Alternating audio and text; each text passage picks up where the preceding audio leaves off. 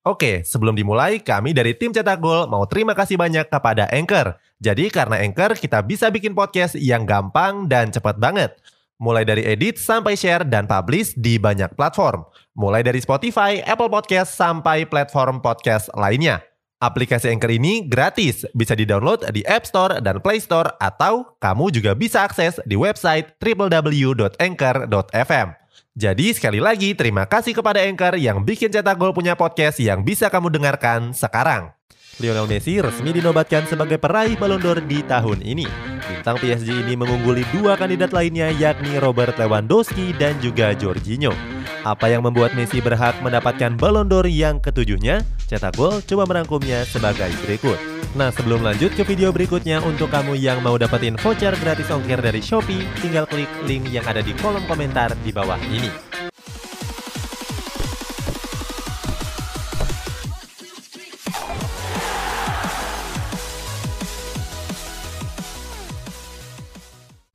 Messi yang paling pantas. Dalam perebutan Ballon di tahun ini, Messi harus bersaing dengan striker Bayern Munchen, Robert Lewandowski. Lewandowski sendiri sebenarnya merupakan kandidat terkuat pada tahun yang lalu. Pasalnya, mantan striker Borussia Dortmund ini berhasil meraih treble winners. Pada musim lalu, Lewandowski sukses mengawinkan trofi Bundesliga, Piala Jerman, dan juga Liga Champions. Akan tetapi, harapan Lewandowski pupus setelah French Football membatalkan gelaran Ballon d'Or di tahun 2020. Pasalnya saat itu penyebaran virus COVID-19 di Eropa masih tinggi-tingginya. Di tahun ini Lewandowski yang masih tampil gacor kembali dijagokan. Kegacoran Lewandowski terlihat di mana dia mampu mencetak 25 gol cuma dalam 20 pertandingan saja. Sayangnya keberhasilan Lewandowski di level klub gagal dia ulang di timnas Polandia. Pada Piala Euro 2020 kemarin Polandia harus tersingkir di babak grup E. Selain Lewandowski, Messi juga bersaing dengan gelandang Chelsea yakni Jorginho. Jorginho merupakan pemain kunci The Blues dalam menjuarai trofi Liga Champions dan Piala Super Eropa. Selain itu, Jorginho juga berhasil mengantarkan timnas Italia dalam memenangkan Piala Euro 2020. Walaupun meraih dua trofi besar, statistik Jorginho tergolong biasa-biasa saja. Buktinya gelar pemain terbaik Piala Euro 2020 justru diserahkan kepada sang kiper Gianluigi Donnarumma menggendong Barcelona. Pada musim lalu, Barcelona mengalami penurunan di mana mereka cuma bisa finish di posisi tiga klasemen. Saat itu mereka berada di bawah dua Madrid dengan selisih poin yang cukup jauh. Padahal di dua musim sebelumnya Barcelona mampu keluar sebagai juara La Liga. Saat itu mereka bisa unggul dari rival abadinya Real Madrid dengan selisih bahkan hampir 20 poin. Walaupun mengalami penurunan, Messi tetap tampil gacor dan menunjukkan kelasnya sebagai pemain terbaik dunia.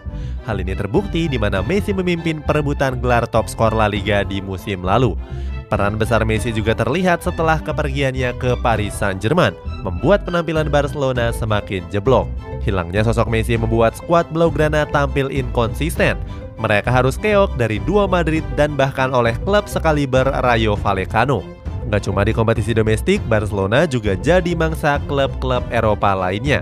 Di babak grup E Liga Champions, Barcelona dihajar oleh Bayern Munchen dan Benfica dengan 3 gol tanpa balas.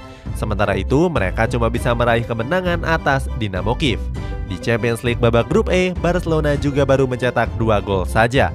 Hal ini nggak terlepas dari buruknya sektor penyerangan anak-anak asuh Ronald Koeman. Performa jeblok Barcelona juga diakui oleh sang bek Gerard Pique.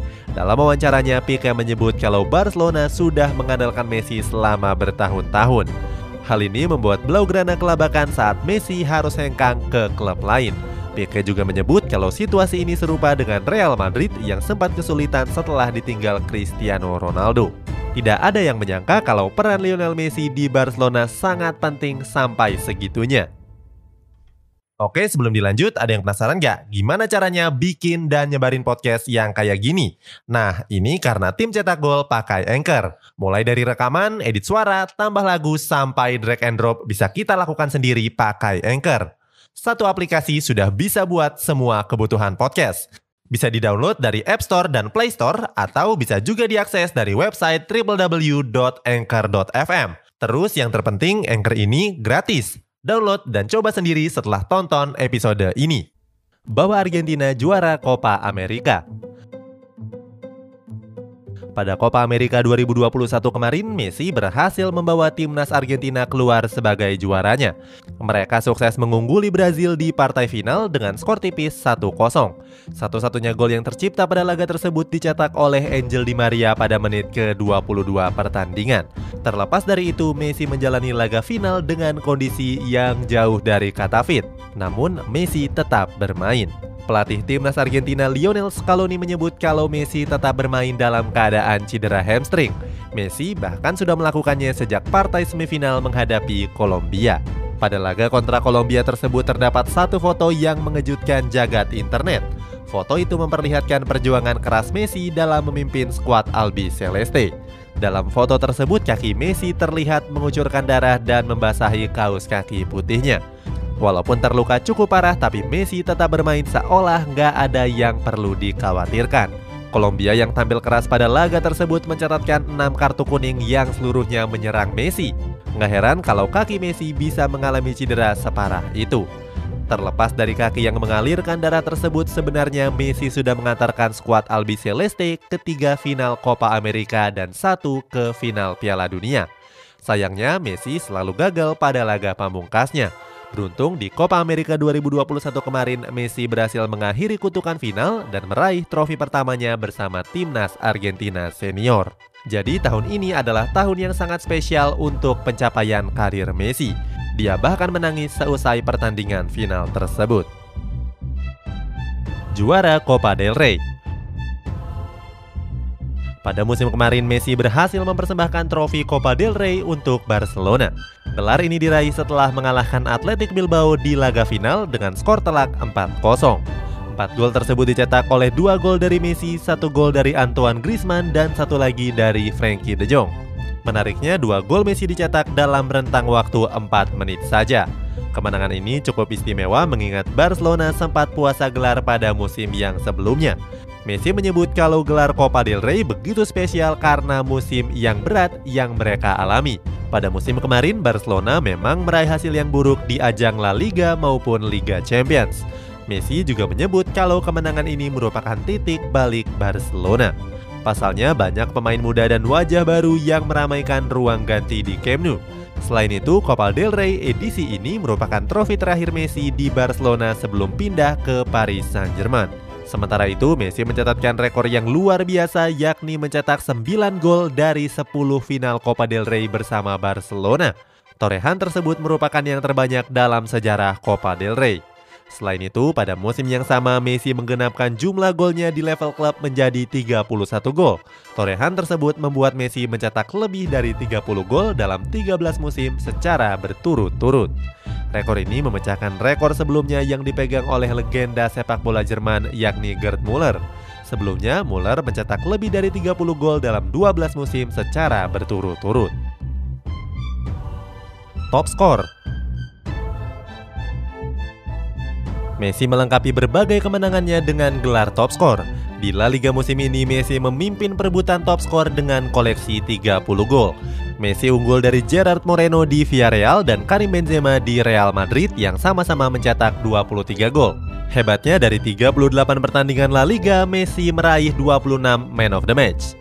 Gak cuma di kompetisi La Liga, Messi juga meraih gelar top skor di ajang Copa America 2021. Messi berada di urutan teratas dengan koleksi 4 gol serta 5 assist. Saat itu Messi unggul dari Luis Diaz yang tampil sebagai juru cetak gol timnas Kolombia. Luis Diaz sebenarnya juga mencetak 4 gol akan tetapi dia nggak menyumbangkan satupun assist. Selain memenangkan trofi juara dan gelar top skor, Messi juga dinobatkan sebagai best player. Artinya Messi memenangkan dua trofi besar dan tiga penghargaan individu sekaligus.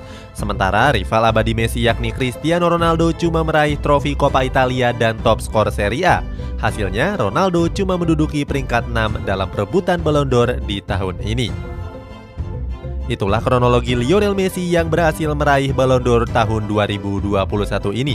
Bagaimana pendapatmu? Apakah Messi layak untuk memenangkannya? Coba tulis di kolom komentar di bawah ini.